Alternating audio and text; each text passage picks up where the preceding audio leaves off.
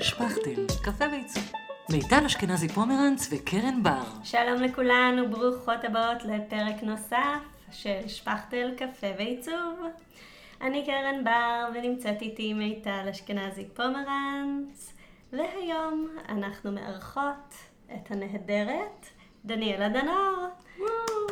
רופאה, מעצבת פנים, יזמת נדל"ן ומרצה. היי, דניאלה, איזה כיף שאת איתנו. איזה כיף לי להיות איתכם.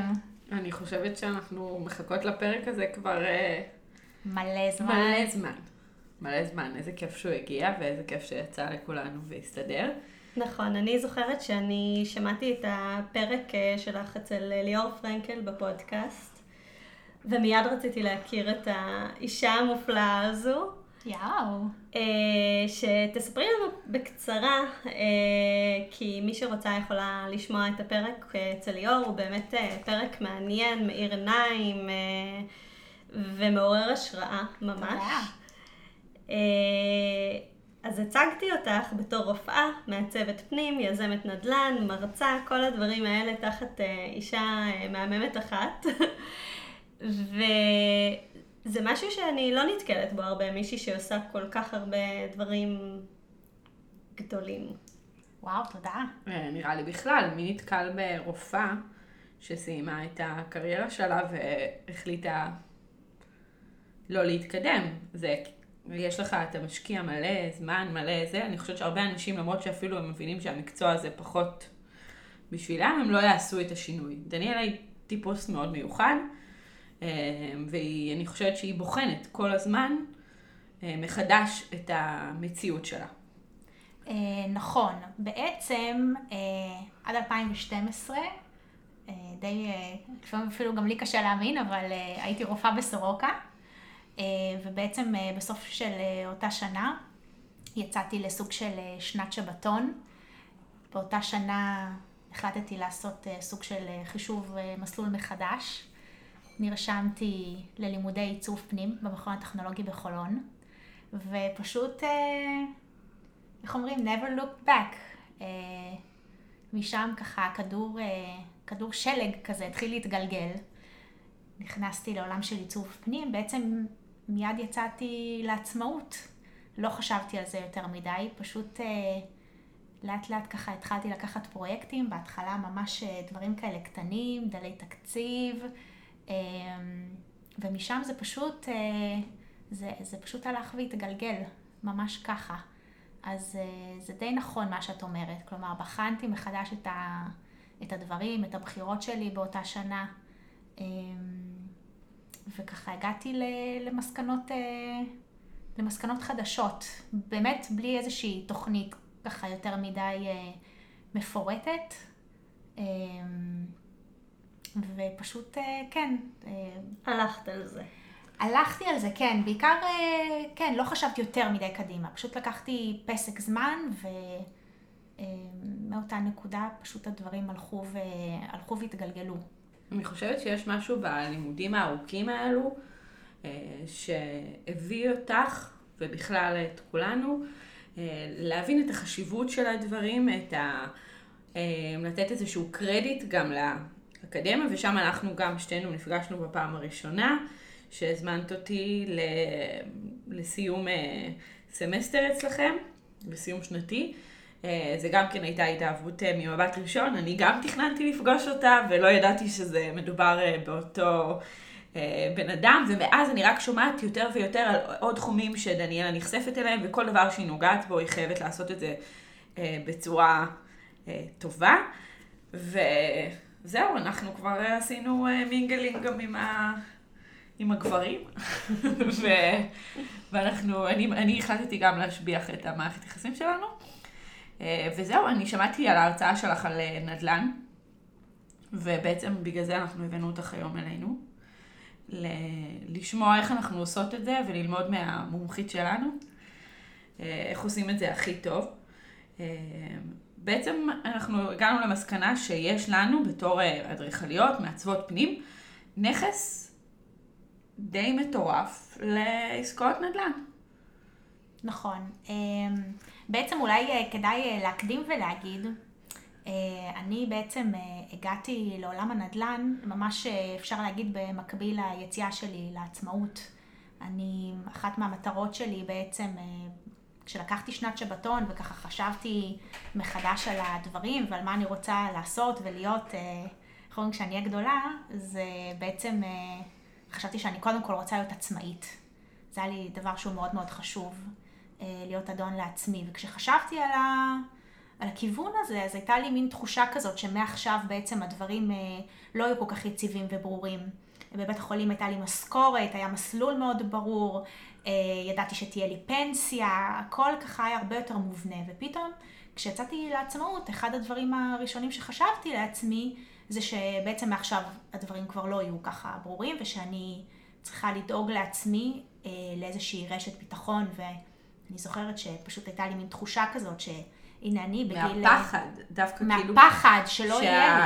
שהעצמאות תהיה יותר קשה ממה שהיא יוצאת אצלך בפועל. פחד, רצית למצוא איזה משהו שהוא... אה, נכון. קבוע יותר. כן, רציתי איזושהי רשת ביטחון שאני אוכל לסמוך עליה, והרגשתי ש... שאין לי אותה באותה נקודת זמן, שאני הולכת בעצם לצאת לעצמאות, ואני רוצה שיהיה משהו בעצם, איזשהו עוגן שילווה אותי, שאני אדע שיש לי ואז משהו... ואז הלכת לנדל"ן. ביד. נכון. וככה בעצם הגעתי, אה, חשבתי, אני אקנה, חשבתי שאני אקנה איזושהי דירה להשקעה. אמרתי לעצמי, אוקיי, הייתי סטודנטית בבאר שבע הרבה מאוד שנים, למדתי שם רפואה, גרתי שם, אה, הכרתי מאוד טוב את האזור, הרגשתי שם מאוד בנוח, ידעתי מה הסטודנטים מחפשים. השנה שוב הייתה 2012, אה, ובעצם ככה הגעתי לתחום. עכשיו, את אומרת את זה כלאחר יד. פשוט החלטתי לקנות דירה. זה נשמע לי כמו החלטה שהיא מאוד גדולה, אה, לפחות לי. זאת אומרת, ההחלטה לקנות אה, דירה, לא יודעת, יכול להיות שאיפה שהיית זה היה נראה לך מובן מאליו, אבל אני כן אשמח שתתעכבי על זה קצת, כי זה משהו שהוא לא, זו לא מחשבה בתור אה, התחלה, שהיא בעיניי אה, ברורה מאליו. אה, נכון. באותה נקודת זמן זה היה באמת כמו שמיטל אמרה, שהטלתי ספק אה, בכל מיני דברים.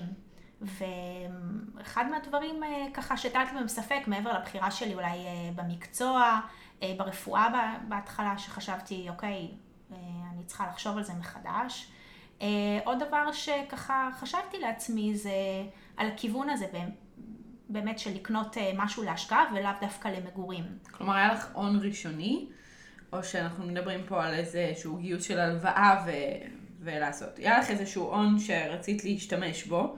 נכון. הון שעומד. כאילו, שלא, שהיית צריכה לבחור מה לעשות איתו. כן, כשאת אומרת הון מיטל, אז uh, למעשה לקחתי את uh, מה שהרווחתי באותה השנה האחרונה בסורוקה. אני תמיד uh, צוחקת ואומרת ש... החלק הטוב, לא מרוויחים. לא, שהחלק הטוב בלעבוד 26 שעות זה שאין לך מתי לבזבז את, ה, את מה שאתה מרוויח.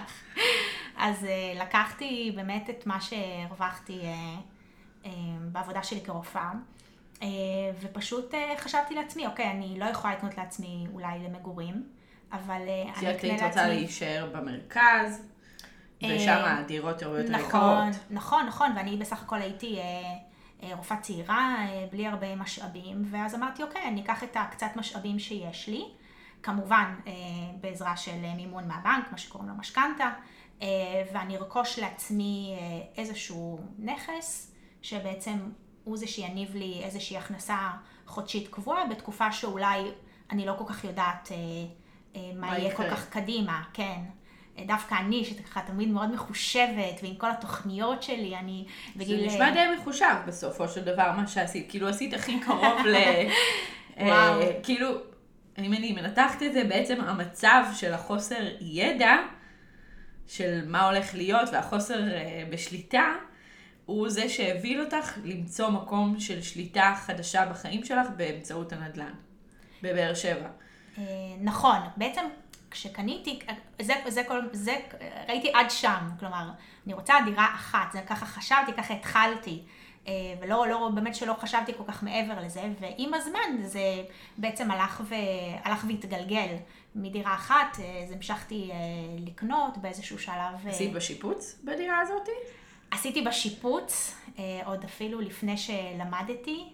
אמ, מאוחר יותר אה, התקדמתי ושיפצתי אה, ככה נכסים נוספים, אה, וזאת הייתה פחות או יותר הנקודה שבה היה נראה לי מתאים ונכון להירשם לימודי עיצוב פנים, וככה לקחת את זה עוד צעד קדימה. זה גם הפוך, את מבינה.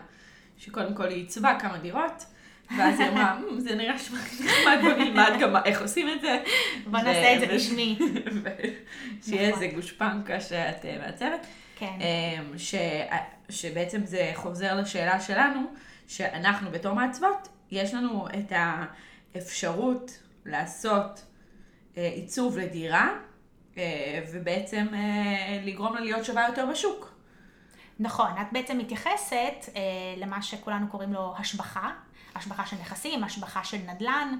בעצם אנחנו לוקחים איזשהו אה, נכס שאנחנו רואים בו פוטנציאל, ואנחנו שואלים את עצמנו איך אפשר להעלות את, את הערך של אותו נכס. בין אם אנחנו מתכננים למכור אותו בשלב יותר מאוחר, או שאנחנו מתכננים להשכיר אותו בשלב יותר מאוחר.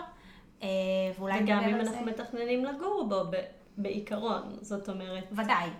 אנחנו ודאי. תמיד נרצה, וזה גם באמת הכוח שלנו בתור מעצבות, אה, שבגלל זה גם הפרק הזה, בשביל שאנחנו בתור מעצבות נדע לזהות את היכולת שלנו למנף את הידע שלנו בשביל ההשבחה הזו.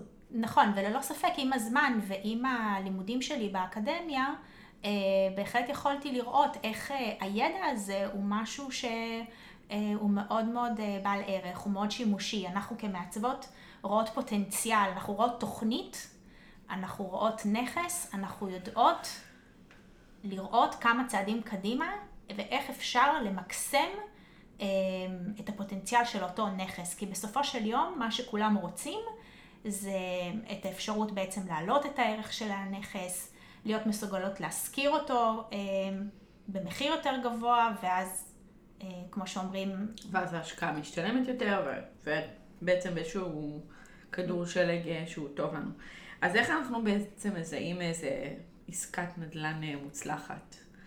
אמ, אז אני חושבת אה, שהרבה אנשים ככה מדברים איתי על אה, איך להתחיל, איך להיכנס לשוק, כן? מה הצעדים הראשונים שצריך לעשות.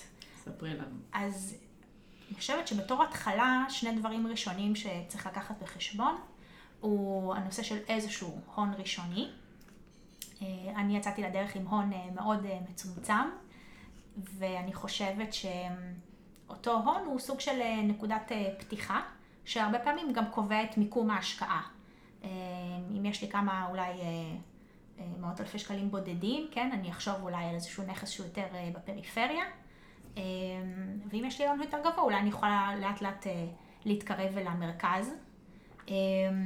ואני חושבת ששוב, מיקום ותקציב, זה שני הדברים הראשונים שצריך אה, לחשוב עליהם כשמתכננים אה, איזשהו אה, נכס להשקעה. גם לטובת גיוס ההון, כן? אפשר לחבור אולי לאיזשהו שותף, כמובן לבחור נושא, לבחון את הנושא של המימון מול הבנק והמשכנתה. הרבה פעמים, אם מדובר בדירה ראשונה, אפשר להשיג תנאי מימון שהם יותר טובים.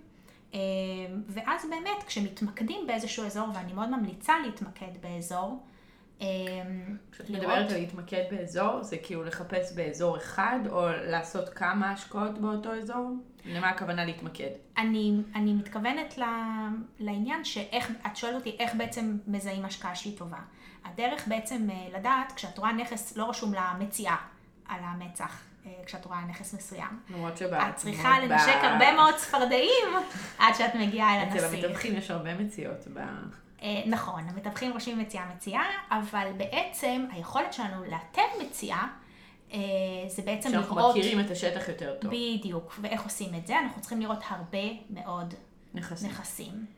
אז איזה נורות אדומות לנכסים שהם דווקא לא מציאה, או שמורידים מהערך של הנכס, את יכולה לתת לנו? אוקיי, okay, קודם כל אני חושבת ש... אה, הרבה דברים שאפשר לומר בנושא הזה. אה, אחד, אה, אם רואים נכס שהוא זול בצורה מחשידה, או מחיר שלו מתחת לערך השוק, אנחנו צריכים לשאול את עצמנו מה בעצם מביא, אם המחיר הוא באמת אמיתי, מה בעצם מביא אותו להיות מתומחר בצורה כזאת. הרבה פעמים הנכס בעצם לא רשום בטאבו כדירת מגורים, הוא יכול להיות רשום כמחסן או כמשרד, צריך לזכור אה, שאם הוא לא רשום ככזה של מגורים, אז יכולה להיות בעיה מאוחר יותר. אה, בהשכרה או במכירה. ודאי, נכון. אה, אז זה למשל דבר אחד. אה, ולעיתים מדובר בשיקולים אחרים שהם כן יכולים להיות מתאימים אה, להשקעה, כלומר שהאזור הוא קצת אה, פחות טוב, או שמדובר בקומה גבוהה ללא מעלית. או עיזבון ש... נכון, כולנו, יש כל מיני דברים כאלו ש... תראי, כולנו מפנטזים על אותה דירה מיורש. שאף אחד... אה, כן, שממספר יורשים שאנחנו נגאל אותם מאותו נכס ונקנה בהם במחיר מוזל. אני חושבת שבפועל בסופו של יום השיטה היא באמת לראות אה, כמות גדולה של נכסים. ואז אה, התשובה למה היא מציעה היא, היא תהיה תקפוץ יותר ברורה. מעצמה. כן. וגם אנחנו יכולים לדבר גם על האזור, שיכול להיות שאם זה בקרבת אזור מסחרי, אה, אולי איזה מכולת, או קרוב לאוניברסיטה, ליד תחנת אה, רכבת. כל מיני דברים כאלו גם כן מורידים או מעלים את הערך של הדירה, של השווי של הנכס בשוק.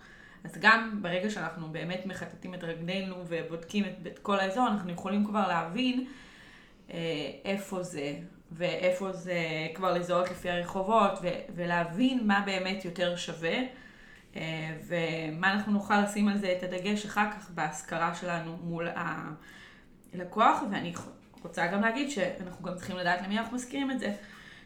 אה, נכון. כלומר, אם אני הולכת להשכיר את הדירה הזאת לסטודנט, או לאיזה בן אדם מבוגר, ואז אולי הדירה הגבוהה פחות מתאים. פחות מתאימה, או אולי אם אני צריכה שהם אה, אה, סטודנטים, אז אולי הם צריכים להיות באמת יותר קרובים לרכבת, כדי שיהיה להם איך להגיע ולחזור, או לתחבורה ציבורית בכלל. וכל הדברים האלו אנחנו צריכים לקחת אה, בחשבון. נכון, אז את העלית פה כמה נושאים שהם באמת אה, מאוד חשובים כשאנחנו מתייחסים לנכס להשקעה. אה, הנושא הראשון שדיברת עליו הוא נושא באמת של אה, קהל יעד. אה, למשל, אם אני מתייחסת לדוגמה של דירות שאני מזכירה בבאר שבע, אז מאחר ושם באמת קהל היעד הוא סטודנטים, אז מאוד נהוג למשל בשיפוצים, הש- השבחה שעשיתי, לייצר מצב שבעצם לכל שותף יש חדר רחצה משל עצמו. וזה משהו שנגיד מאוד מקל בשנת ההשכרה. הנכסים האלה נחטפים אה, מהשוק, כי איזה סטודנט אה, אה, לא היה רוצה לוותר על התור בבוקר לשירותים. שזה מאוד משמעותי. שזה מאוד משמעותי. דוגמה נוספת, אם מייעדים דירה נגיד לאיזושהי משפחה צעירה, מן הסתם אז גם להם יהיו- דרישות, כן, חדרי ילדים, שתהיה אמבטיה בחדר רחצה, כלומר להתאים את, הדירה בעצם לקהל יעד שאנחנו רוצים להשכיר לו בשלב יותר מאוחר. אה, איזושהי הערת אגב ככה שאני אגיד מהאני מאמין שלי בנושא הזה, אה, זה שאני חושבת שהעולם כולו אה, הולך למטראז' קטן. ואני רואה הרבה פעמים אנשים באים ואומרים לי, דניאלה, ראיתי איזה דירה, אבל היא מאוד קטנה. נראה לי שזה קטן מדי. ואני אומרת, היום כל העולם הולך להיות ככה מאוד מאוד קטן. אני תמיד בעד מיקום טוב על מטראז'. את המטראז' אני חושבת שניתן איזה לפתור אותו. נכון, אנחנו או- נדבר אה, בנושא הזה באמת שכמעצבות, איך אפשר אה, לנצל אה, מטראז' ולהוציא ממנו את המקסימום. אה, אז בעיניי יותר חשוב הלוקיישן אה, מכמות המטרים. אה, זה ככה גם מהניסיון שלי. אה, אז זה מהרמה הזאת, דיברנו על קהל יעד. אה, ונושא נוסף שקצת אה, ככה התחלנו לדבר עליו, זה מה שאני קוראת לו האקס פקטור. כלומר, תמיד כשאני מחפשת אה, נכס להשקעה, אני אחשוב בנכס שראיתי איזה אקס פקטור יש לאותו נכס.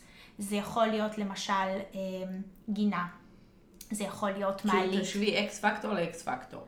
כאילו תש- תשווי בנכסים שאת מחפשת, כי הרי את בודקת כמה ומחפשת את המציאה, אז את תשווי כאילו את הדברים אחד לשני, אני... כדי לדעת מה יותר שווה. לא, אני מחפשת בסופו של יום אה, משהו שיגרום לסוחר או קונה בעצם להתרגש. אה, להתרגש או להתלהב מהנכס שלי.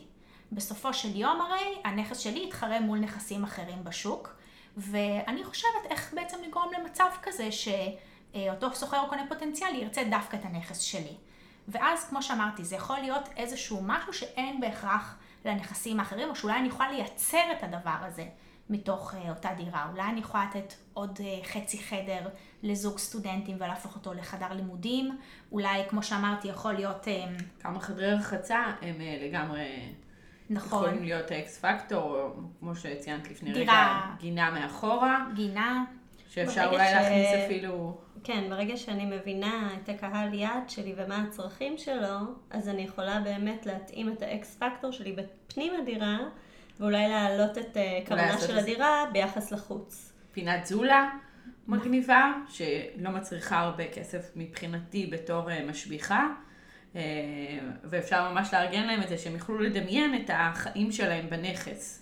נכון. אז יש, יש כאלה פקטורים שהם כבר באים עם הדירה אה, מלכתחילה, אה, ואז זה מאוד נחמד, כלומר, לראות איזשהו פוטנציאל אה, בדירה, למשל, דירה לא מזמן שרכשתי עם שלושה כיווני אוויר, זה משהו שהוא מאוד בעל ערך.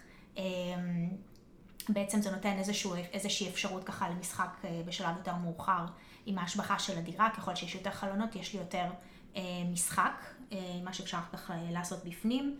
אה, הכוונה כמובן שנוכל לחלק את החדרים, אנחנו לא רוצים לייצר חדרים ללא חלון, ואז ככל שיש לנו יותר חלונות אנחנו יכולים אה, לסדר חדרים שונים שמותאמים בגודל בצורה שונה כמובן, אה, נכון. לפי מה שנצטרך. נכון מאוד. אז אני מחפשת כל מיני אלמנטים שאני בעצם יכולה להשתמש בהם אחר כך אה, לטובתי. זה יכול להיות למשל איזשהו אלמנט אולי של אה, תקרות גבוהות, או שהדירה מלכתחילה אה, אולי כבר שופצה בחלקים מסוימים ממנה ואני אדע שבהם אני כבר לא אצטרך להשקיע, או כל מיני אלמנטים כאלה ואחרים שאני רואה באותו נכס, שאני אומרת לעצמי, או, זה ידבר לקהל היעד שלי ביום שאני בעצם אה, אוציא את הדירה. להשכרה או למכירה. בשלב מאוחר יותר, אה, כמו שאמרנו, לנו יש את היתרון שאנחנו יכולות לראות נכס, ואנחנו יכולות לראות את הפוטנציאל העתידי שלו. ואז לחשוב אנחנו, אחרי השיפוץ. אחרי, בדיוק, אחרי שיפוץ, אחרי השבחה, מה אנחנו בעצם כמעצבות, כמתכננות, יכולות אה, לעשות בדירה על מנת להעלות את הערך שלה בשוק. אוקיי. מדי פעם אנשים מגיעים אלינו, שהם, אה, אני חושבת שקרן, גם את אה, סיפרת על זה, שהם רוצים אותנו בתור אה, אדריכלית, מעצבת, רוצים אותנו, אבל הם עוד לא יודעים איזה נכס הם בדיוק רוצים. אז עוד לפני, הם מבקשים מאיתנו ללכת ובעצם לתת להם איזושהי חוות דעת על הנכס הזה. אני חושבת שבנקודה הזו מאוד חשוב אה, שאנחנו באמת נעשה איזשהו ספליט ונבין מראש איזה סוג נכס אה, אנחנו רוצות, או הלקוחות שלנו רוצים. תלוי מי היזם אה, במקרה הזה. האם הם רוצים נכס שהם יגורו בו, האם הם רוצים נכס שהם ישכירו אותו, או שימכרו אותו. כי באופן אישי, פעם פנתה אליי לקוחה, והיא ירשה דירת חלומות כזו אה, בתל אביב, שהייתה זקוקה לשיפוץ נואש. אה, היו בה שיפוצים לאורך השנים שהם היו על הפנים, והגיע הזמן לעשות משהו גדול. ואז היא בהתחלה פנתה אליי ואמרה לי, אני רוצה את זה להשקעה, כי אני רוצה להשכיר את זה, אבל אולי אני אעבור לגור שם עוד שנה, חמש שנים, עשר שנים, ואז אני חושבת שגם התפקיד שלנו לומר, רגע, רגע, רגע, מה בדיוק הנכס הזה עומד להיות לפני שאנחנו משפצות אותו? נכון, אני חושבת שמאוד חשוב להבין אל מול הלקוח מה בעצם מטרה של הרכישה של הנכס. כי כולנו יודעות ששיפוץ לצורך השכרה אה, הוא לא כמו שיפוץ אם אנחנו הולכים לגור, והפערים הם מאוד מאוד גדולים, ואני אסביר. כשאנחנו בעצם רוכשות נכס להשקעה, אנחנו רוצות לבצע שיפוץ שהוא value for money.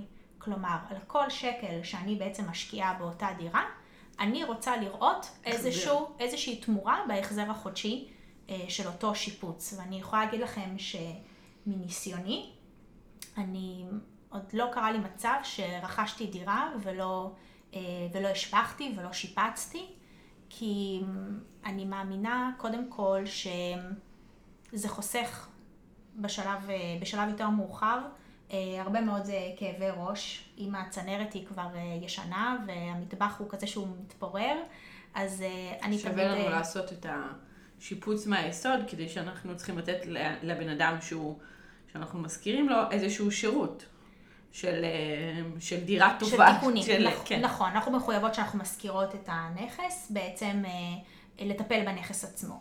אם אנחנו מדברים על מכירה, זה פחות חשוב. יכול להיות ששווה לנו לשים אה, פרקטים או משהו כזה, ו... וכדי שיגרום לאנשים להרגיש שהדירה יותר יפה או משהו בסגנון הזה, ו... ולא לעשות את השיפוצים מהיסוד, כי גם לכי תדעי מה הם יעשו, האנשים ש... שמגיעים לשם. נכון, אין ספק שזו גם שאלה שאנחנו צריכות לשאול את עצמנו כמשקיעות, האם השיפוץ הוא למטרת מכירה, או האם השיפוץ הוא למטרת השכרה. אז אם אני חושבת באמת בכיוון של השכרה, אז חשוב לי לבצע איזשהו שיפוץ כדי שיהיה לי ראש שקט.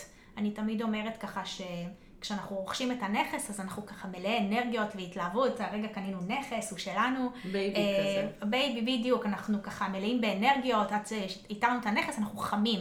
ויש לנו את הסבלנות עכשיו, אה, איך אומרים, אה, להעמיד את הרכבת על המסילה. וזה בעצם החלק הקשה, להעמיד אותה על המסילה, להשכיר אותה. ואחר כך אה, נהיה יותר קל מניסיוני. אז אני מציעה אם בשלב אתה עושה את הזה... זה כמו שצריך, באמת, ומטפל בשיפוץ לפני, ב... אנחנו מדברים ממש על הבסיס של הדירה.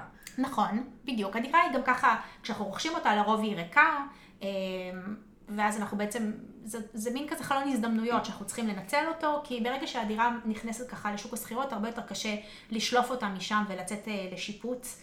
אה, אז זה דבר ראשון. ודבר שני זה שאני באמת מאמינה שברגע שדירה היא נראית יותר טוב, השקענו בה, זה לפעמים אפילו לא מתבטא כל כך אה, באיזשהו סכום אה, כספי כל כך גבוה, כן? ואנחנו אה, ככה מחמידים אותה ומדמיינים אצלנו בראש את הסוחר שייכנס אה, ויתרשם ממה שעשינו שם. אה, בסופו של יום אני מאמינה שזה זה מחזיר את ההשקעה. אנחנו יכולים לגבות קצת יותר אה, בשכר הדירה, אנחנו יכולים אולי לפנות לקהל יעד שהוא קצת יותר אה, מבוסס, ואולי יכול להשקיע קצת יותר אה, על מנת אה, להשכיר לעצמו דירה שהיא קצת יותר, אה, אה, נראית יותר טוב, אה, ואני מאמינה שזה משתלם בסופו של יום. אני חושבת גם שחשוב מאוד להדגיש שהרבה פעמים אנשים קונים דירה מקבלן והם חושבים שמה שהם יקבלו זה כבר פרפקט, וזה לא כל כך מדויק. זאת אומרת, גם דירות שהן מקבלן, גם דירות ישנות, כמעט כל נכס שקונים, צריך להשקיע בו איזשהו סכום אה, לשיפוץ, לשדרוג, לשינויים, כדי שבאמת אה, הוא, הוא יהיה אטרקטיבי, בין אם זה לשכירות או למכירה. אז אני מאוד מתחברת למה שאת אומרת, גם בסוגיה של דירת קבלן. למשל, בבניין שהוא חדש מקבלן, אנחנו צריכים לקחת בחשבון שביום שהבניין מוכן, אז כל השכנים שלי הם בעצם אה, מתחרים איתי על אה, ליבו של הסוחר, ואני צריכה לחשוב מה יגרום לסוחר להשכיר דווקא את הדירה שלי, ואם כל הדירה, כל הבניין בעצם אה, מועמד אה, להשכרה, אני צריכה לחשוב בעצם איך אני מביאה את הסוחר אליי, וגם אה, מתמחרת, כן, אם יש תחרות, איך אני מתמחרת דווקא את הדירה שלי אה, במחיר אה, שרציתי. וכאן מגיע באמת האלמנט הזה של אה, כן להשקיע אה, בשדרוגים מסוימים, לחשוב על קהל היעד שלי, מה הוא היה רוצה. אה, מה חשוב לו? מה חשוב לו, בדיוק. ושם להשקיע. אה, אם אני מתייחסת למה שקרן אמרה, אז אה, אם, ברגע שאנחנו נמצאים במקום של אם הדירה הזאת היא, היא עבורי או אם היא עבור השכרה, יכול להיות שאנחנו נעשה גם כל מיני שיקולים קטנים שהם יהיו שונים. לדוגמה, יכול להיות שלא שווה לך בדירה להשכרה לעשות מטבח שהוא צבוע בצבע בתנור, כי הוא ידפק יותר מהר לאורך הזמן. ואולי שמה שווה להשקיע ב... אפילו זה בדרך כלל לא זה לפחות, מצחיק, כן, כן. אה, בפורמייקה, בחומר שהוא יותר עמיד, שיהיה יותר קל אה, לך בתור אה, מזכיר של הדירה אה, לתפעל את זה ולתחזק את זה ושזה יראה יותר טוב לאורך זמן. אז הייתי רוצה להוסיף על זה ולשאול באמת איזה דברים אה, מומלץ לשדרג בדירות. בדירה שהיא מיועדת בעצם להשכרה. כן. אה, אני חושבת שהפקטורים המשמעותיים כמובן הם אה, נושא של אה, מטבח וחדרי רחצה, זה תמיד משהו ש... זה הכי גדול. נכון, זה בעצם האזורים שהם הכי רגישים אולי אה, לכל סוחר שמגיע.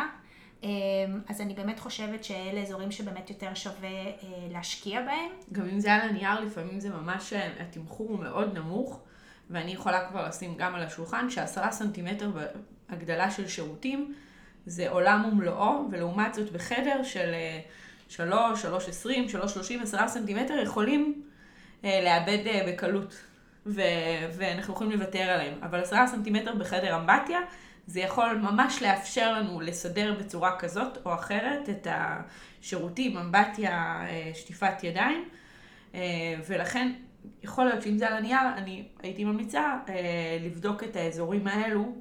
אם אנחנו יכולים לשחק מהם בצורה יותר טובה, לפעמים פשוט באמת הם מניחים את זה על הנייר והם לא חושבים אה, על הצורה הכי, הכי יעילה שיכולה להיות. אה, או, או יעילה לאותו אה, לקוח או לאותו אה, כמובן אה, מי שיגור בדירה. אז שווה להסתכל אה, במקומות האלו, רגע לפתוח את הראש ואז אה, לבצע את זה. ואם זה על הנייר, אז אנחנו, יכול להיות שאפילו לא משלמים על זה את, ה, את הכסף, או שזה יהיה מאוד אה, סכום אידיאלי. נכון, אז באמת בדירה לנייר, וגם כשאנחנו חושבים על... אה, גם כשאנחנו חושבים בעצם אה, על השכרה עתידית, אנחנו יכולים לחשוב באמת על אה, אולי תוספת של נקודות מאור במקומים אסטרטגיים, אולי להוסיף איזשהו בר, אולי ככה כל מיני דברים קטנים, כן, שיפנו ככה ללב של הסוחר. כשאני מדברת בעצם על דירה להשקעה אולי בפריפריה ולסטודנטים, כן, אז אני גם אחשוב יותר חומרים עמידים, לפעמים אפילו, אה, כן, פרקט למינציה קצת אה, יכול ככה אה, לעשות... לקדם פ... דברים. בדיוק, ממש איזה facelift קטן לכל חדר. יש גם מקומות שנהוג בהם לתת את הדירה שהיא כן מרוהטת. וגם במקרים כאלה, אז נמליץ באמת ללכת על ככה חומרים בייסיקיים, שכמו שאת אומרת, יחזיקו ככה לאורך השנים. או שיהיה קל יותר להחליף אותה בהמשך. נכון, נכון. אה, רובע קאה בחדרי רחצה, שזה פחות מתלכלך, אה, אה, חלונות חלביים אולי במקום שקופים, דברים מהסוג הזה, שיותר ככה קלים לתחזוקה לאורך השנים. בצורה כזאת משקיעים בנכס, בוא נגיד, נקודתית, אבל מוציאים מזה את המקסימום. מעולה. אה, אז אה, הגענו להשבחת אה, דירות, אנחנו כבר קצת נגענו בנושא הזה. בואו נשפוך פה את כל הטיפים שלנו. איך אנחנו עושות את זה הכי, הכי טוב. איך אנחנו לוקחות דירה והופכות אותה למשהו שיחזיר את ה... לממש בעצם את הפוטנציאל פוטנציאל. שלה. לגמרי. אז אני חושבת שקודם כל אנחנו צריכות כמתכננות, כמעצבות, אנחנו יכולות אה, להביט מבט בתוכניות, אה, לבקר בדירה. אפשר למדוד אם, זה במיוחד משמעותי ככל שהדירה יותר קטנה. אה, להשקיע למדוד, במודד. לזה כן, הכוונה? נכון, להשקיע כן. במודד, במדידה טובה של החלל. כי לפעמים לאורך השנים בוצעו כל מיני שינויים כאלה ואחרים בנכס. ויש שוני בין המציאות לתוכנית בדיוק. שקיבלת. נכון. וזה תמיד... יכול להיות מאוד משמעותי לפעמים. נכון, תמיד... אפרופו עשרה סנטימטר. נכון, ואז שואלים אותי, דניאלה, מה המטראז' הקובע? אה, דירה להשקעה, מה המטראז' הקובע? מה שהמתווך אומר, מה שרשום בארנונה, אה, ואני תמיד אומרת... אה, מה שהמודד. מה שבפועל, כן. אפילו לפני השלב של המודד, אפשר ללכת עם מטר וממש למדוד את הנכס ולראות... מה קורה מה, שם. מה, בדיוק, מה קורה בפועל. בכלל זה משהו שאני הייתי מאוד ממליצה לאנשים, לפעמים כשאנחנו, לא לקנות את זה כמובן על הנייר, אבל לבדוק את הנכס גם בשעות שונות ביום, אולי גם ימים שונים, לבוא פעם, פעמיים בשעות אחרות, לראות איך זה בזריחה, כאילו בבוקר, באחר הצהריים, במהלך הצהריים, אולי יש רעשים בנכס, עוד לפני שאנחנו קונים אותו. אולי יש איזה אזור שהוא מאוד פעיל שכדאי לשים עליו דגש, ואולי להפך, אולי יש שם איזה נוף מדהים שכדאי לכוון את הכל אליו. אה, כן, בהחלט, זה נכון. אה, כמובן שטרם אה, רכישה של נכס זאת החלטה מאוד מאוד משמעותית. רצו לבקר בו כמה וכמה פעמים. אם אני חוזרת לנושא שדיברנו עליו, בנושא של ההשבחה, אז אחרי שברור לי ככה המטראז' של הדירה, והתאמה של התוכנית למציאות. אני חושבת שבשלב הראשון צריך לבחון את המבנה של הדירה. אני יכולה לצאת מאיזושהי נקודת הנחה שאם אני אצליח, נגיד, לקחת איזשהו מטראז' שהוא פחות מנוצל בדירה ולהוסיף אותו, למשל, הרבה פעמים בדירות המטבח מופרד בחדר. אם אני יכולה אולי באיזשהו אופן לסדר מחדש את הדברים ולהרוויח חדר נוסף, יש סיכוי לא רע שנצליח להשכיר את הדירה במחיר יותר גבוה. אז זה תמיד משהו שאפשר לבחון אותו, בעצם את הסידור של הדירה, את הסידור של החדרים. אולי אפשר איזה אזור למידה או משהו כזה להכניס, אולי איזה פינת אוכל כזאת שיוכלו ללמוד עליה ביחד ברגע שאנחנו מתכננים מחדש. לפעמים גם אפשר לוותר על אזור. אפרופו פינת אוכל, אם מדובר בסטודנטים, הם לא יערכו עכשיו את המשפחה לארוחת חג של 30 איש. אז יכול להיות שאפשר לעשות איזושהי פינה קטנה. אה, ואת שאר החלל או בר, להעביר, תלוי. או בר, או לא משנה מה, ולהעביר את. או אפילו אם זה זוג צעיר, זאת אומרת, אם אנחנו לא רוצים עכשיו איזו משפחה גדולה, זוג צעיר, אפילו עם תינוק, אז אה, נוכל להעלים איזשהו חלק אה, מהתוכנית לטובת עוד חדר או עוד משהו אחר. חלל משחקים שיכול להיות לסטודנטים ול... עברנו למשפחה. ולזוג הצעיר. ולזוג הצעיר. נכון, אז אנחנו חוזרות קצת לנושא של הקהל יעד, ולמחשב בעצם איך אפשר לתת לו איזשהו מוצר שיהיה עדיף על נכסים אחרים בשוק. אז אני תמיד יכולה לחשוב בעצם איך אני יכולה לקחת את התוכנית הנוכחית. אולי יש לי דרך להוסיף חדר שירותים ליחידת הורים, אולי יש לי דרך להוסיף חדר עונות, אולי יש לי דרך להגדיל או להקטין את אחד החדרים. ועל ידי זה... החשבון השני. נכון, ועל ידי זה לייצר עוד ערך. אולי אני יכולה להקטין את הסלון, כלומר, אני חושבת שבכל דירה... צריך לבחון את זה מחדש.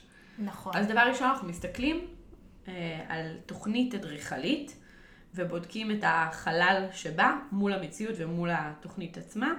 זה הדבר הראשון. דבר שני, בהשבחה? דבר שני שצריך לראות היא בעצם מה המצב הנוכחי. ולנו כמתכננים יש בעצם גם את היכולת להעריך ברמה של עלויות, כן? הרבה פעמים אנשים באים אליי ואומרים לי, דניאלה, אני שוקל לקנות איזשהו יחס, אבל כמה זה יעלה לי? כמה יעלה לי השיפוץ? השיפוץ. ו... ואז באמת כולנו יודעות אה, להעריך בסדרי גודל, כן? בעצם כל אה, סעיף, כן? תחת קטגוריית השיפוץ, אה, את העלויות שלו. ולכן, למשל, כן?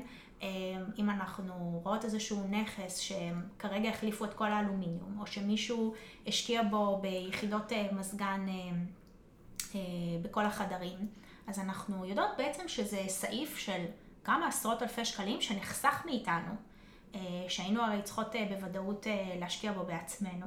זה הכל דברים שהם מאוד בעלי ערך. ואז אנחנו בעצם, אנחנו צריכות לבוא ולראות, לעשות איזושהי מין רשימת מכולת כזו, שכל הדברים שאנחנו חושבות שהיינו רוצות להשקיע בהם, ולראות בעצם, כן, לעשות איזושהי הערכה של סדרי עדיפויות. אז שוב, אם אנחנו חושבות שהנכס ילך להשכרה, כן חשוב להשקיע בצנרת, להשקיע בחדרי רחצה, לראות את הדברים כאיזושהי השקעה ארוכת טווח. אגב, גם אם אתה עובר לגור שם, גם הייתי ממליצה. כי אחר כך לעשות את הדברים האלו זה סיוט, זה אתה חייב לצאת מהנכס. כי תמיד כדאי את הבסיס, את הניתוח הרציני לעשות טרום המעבר. נכון, אני, אני בהחלט חושבת, למרות שאני מאוד uh, מאמינה שצריך לקבל איזושהי החלטה עקרונית, האם הנכס uh, ישמש למגורים uh, או להשקעה. Um, אז ללא ספק, אם אנחנו רואים את הנכס כנכס שאנחנו נרצה להחזיק בו שנים רבות, על מנת באמת uh, לקבל שכירות חודשית לאורך זמן, אין ספק שהייתי משקיעה uh, בתחילת הדרך את התקציב על מנת לטפל בצנרת, גם אם היא לא מאוד ישנה, כלומר לחדש את חדרי הרחצה, מטבח, לראות מה המצב שלו. צריך גם תמיד לקחת בחשבון שאין מה לעשות, הסוחר הוא לא יתייחס אל הכי הדירה. יפה. נכון, כמו שאנחנו מתייחסים לדירה שלנו. אה, ולכן באמת, כמו שאמרנו, להשתמש חומרים אה, עמידים. בחומרים עמידים, בצבעים אה, לא, כן, אה, זהו, מבחינת הסגנון, זאת אומרת, גם פה יש איזשהו שוני אם אנחנו רוצות למכור את הדירה, להשכיר אותה או לגור בה. כי אם אה, אני רוצה לעבור לגור בדירה, אז מן הסתם אני ארצה לתת את הסגנון האישי שלי לבית. ומה אני עושה כשאני רוצה להשכיר אותה? איך, אה, האם צריך לפנות למחנה הנמוך ביותר? אז, אז זהו, אז אה, האמת היא שאני אני תמיד חושבת שכשאני מייעדת את, ה, את הנכס, גם אה, בין אם זה במכירה או בהשכרה, אני חושבת שבהחלט שכן. כלומר, צריך אה, אה, לפנות לאיזשהו משהו שידבר כמה שיותר אנשים. לא הייתי הולכת, כן, על... אה, צבע שחור בכל הבית. ו- אה, כן. בדיוק, כן. אה, איזשהו... זה גם אה, יותר. זול, אני חושבת. אנחנו גם צריכים כל הזמן לקחת את המקום של הזול. נכון. אה, כלומר, את הרצפות בטון של ה... של ה... בתקציב של דירות קבלן, הדברים היותר עדינים, יותר פשוטים, ולא עכשיו להתחיל להשקיע ב... מצד שני, אני כן הייתי תמיד מעודדת. לשמור אה, איזשהו אחוז קטן מהתקציב. אה, לפיין. בדיוק, לש- לפנות מה שנקרא אה, ככה לרגש, כן? אה, להוסיף איזה שהם אלמנטים, אה, ככה שייתנו את התחושה הזאת אולי, אולי של בית. תאורה טובה, אולי לימינציה, אולי להשקיע באיזה דלת בצורה מגניבה.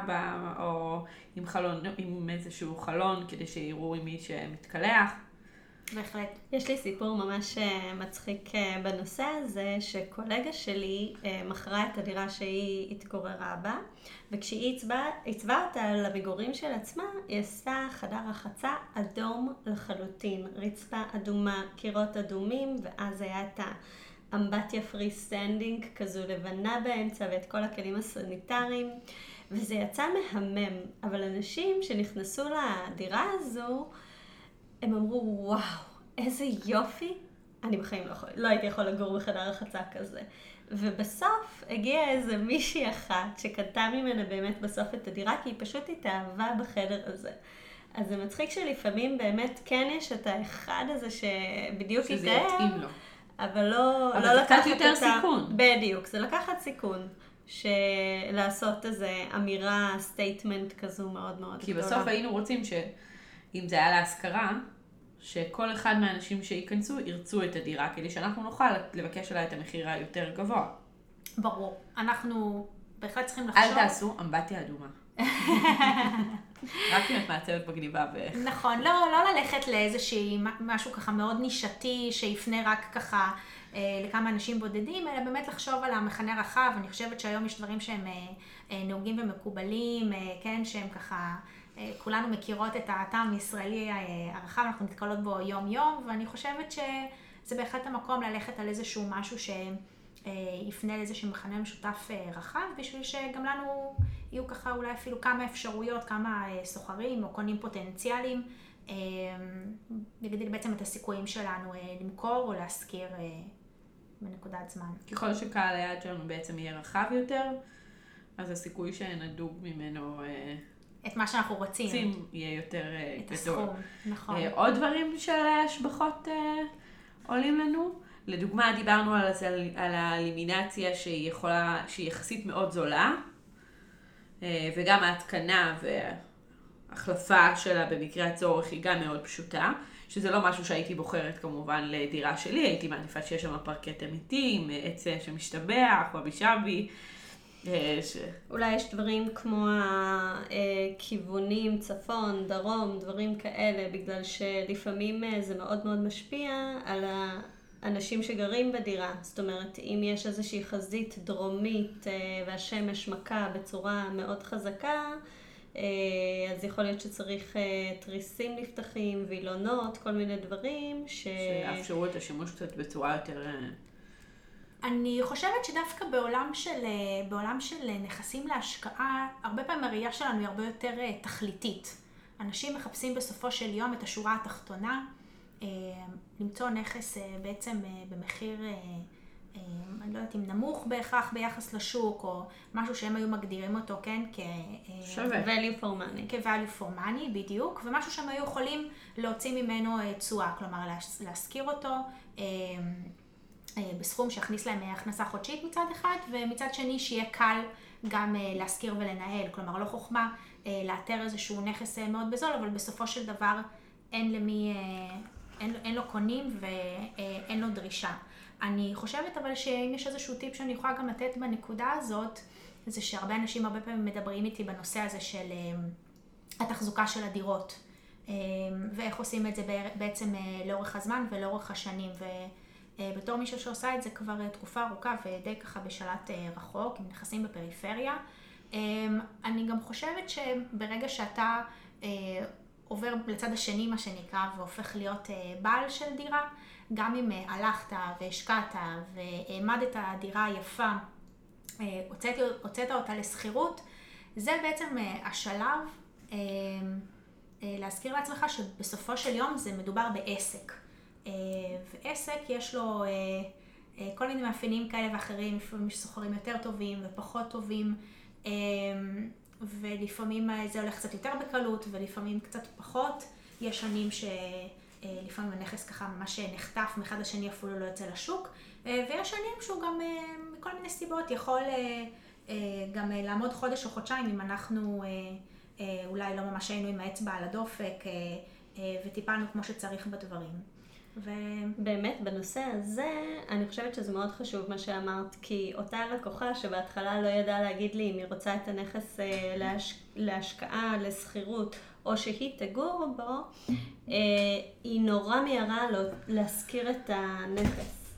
ואני חושבת שמאוד חשוב באמת לבדוק מי הסוחרים שמגיעים אלינו. זאת אומרת, מי יגור בדירה, האם הם ישמרו על הדירה, האם הם ישקיעו בה אפילו אולי קצת, יתחזקו אותה ברמה כלשהי, מאשר למהר ולהוציא אותה מה, מהידיים שלנו ולהכניס את הכסף, כי זה גם איזושהי חשיבה לשלב רחוק. נכון, אז זה תמיד מדובר באיזשהו איזון כזה, בין הרצון שלנו באמת להשכיר את הדירה כמה שיותר מהר ולהתחיל לקבל חזרה את ההשקעה שלנו.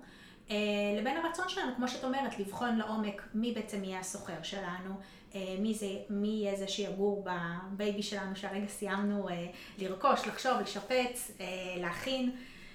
אני חושבת שאז, כמו שאת אומרת, מצד אחד, כן, כשאנחנו משביחים את הנכס, כמו שאמרתי, אולי יש לנו באמת יותר שליטה, יותר מבחר על רמה של סוחר שאולי יותר טובה. ומצד שני, כמו שאמרתי, אולי זה גם השלב קצת לנתק. לנתק בדיוק את, הרגש. את הרגש שלנו, לראות את זה כעסק ולהבין שבסופו של יום, שנה אחרי שנה עוברת, ואני תמיד אומרת לעצמי שאני רואה תמיד רק שנה אחת קדימה, לא יותר מזה.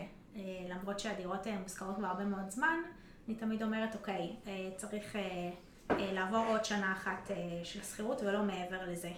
אז אני חושבת שזה בסופו של דבר... כי את אומרת להסתכל עכשיו קרוב. נכון, להסתכל... המטרה שלי עכשיו בשנה הקרובה להשכיר. נכון, להסתכל קרוב וגם להבין שתמיד דברים קורים. כלומר, גם אם שיפצנו, גם אם השקענו, תמיד דירה, נצטרך לתחזק אותה ברמה כזו או אחרת, זה לא שגר ושכח, דברים נוטים להתקלקל לאורך השנים. וגם סוחרים נהדרים הורסים את הדירה עם הזמן.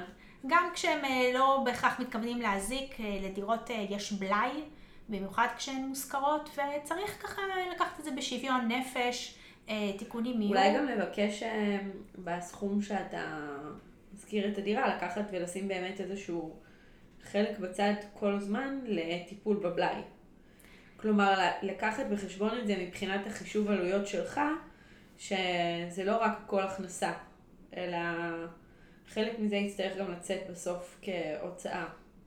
נכון, ולכן הרבה פעמים כשאנחנו מחשבים בעצם תשואה לנכס, כן, את ההחזר החודשי הזה שאנחנו מקבלים כל חודש מהשכרה, הרבה אנשים כשהם רוצים לחשב את הנטו הם מחשבים בעצם 11 חודשי שכירות ולא 12, כי הם אומרים את החודש הנוסף הזה אני בעצם מדי פעם אצטרך או להחזיר חזרה בצורה של תיקונים, או שאולי דירה לא תושכר ישר, בדיוק, היא תעמוד אולי לעיתים קרובות, למרות שבנקודה הזאת אני תמיד אומרת, כן, אני מאוד משתדלת להימנע ממצב כזה, ואז באמת להתחיל לחפש סוחרים מבעוד מועד.